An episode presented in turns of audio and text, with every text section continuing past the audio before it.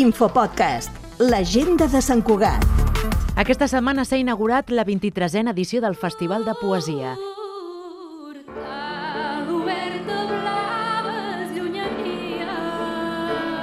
L'alcalde Josep Maria Vallès. És a través de la poesia que una ciutat pot entendre's a si mateixa i compartir la seva història, les seves tradicions i la seva imaginació amb el món.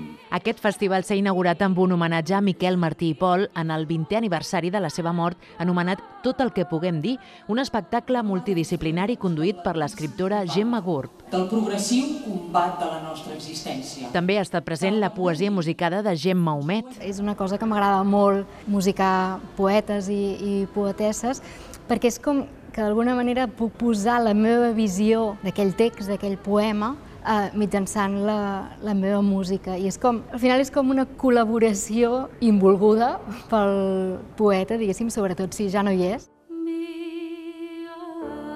Voldria O el Tortell Poltrona.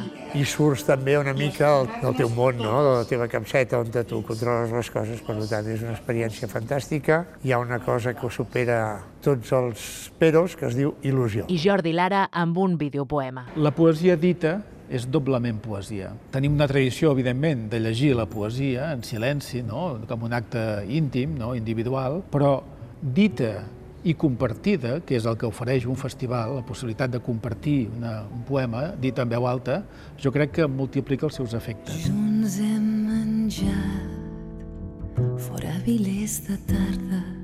Un festival nacional de poesia que omplirà Sant Cugat de concerts, recitals, exposicions, música, paraula dita, un constant jugar amb la paraula que es donarà cita a Sant Cugat fins al 27 d'octubre. Una edició que ret homenatge a l'obra de Miquel Martí i Pol, Josep Vallverdú, Francesc Vicent Garcia, més conegut com el rector de Vallfogona, i Albert Ràfols Casamada, a través de la visió d'autors contemporanis.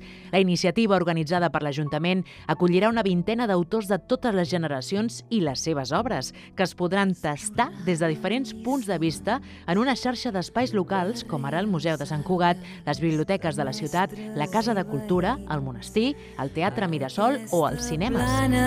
L'escrivíem ben sols. Fem 5 cèntims d'alguns actes. Lídia Pujol avui oferirà un concert poètic al Teatre Auditori a les 8 del vespre. O el 26 d'octubre, a les 9 del vespre, s'estrena el film de J.R. Armadàs, Teoria dels cossos, als cinemes de Sant Cugat. Consulta tota la programació del festival i l'agenda de Sant Cugat a www.cugat.cat barra agenda.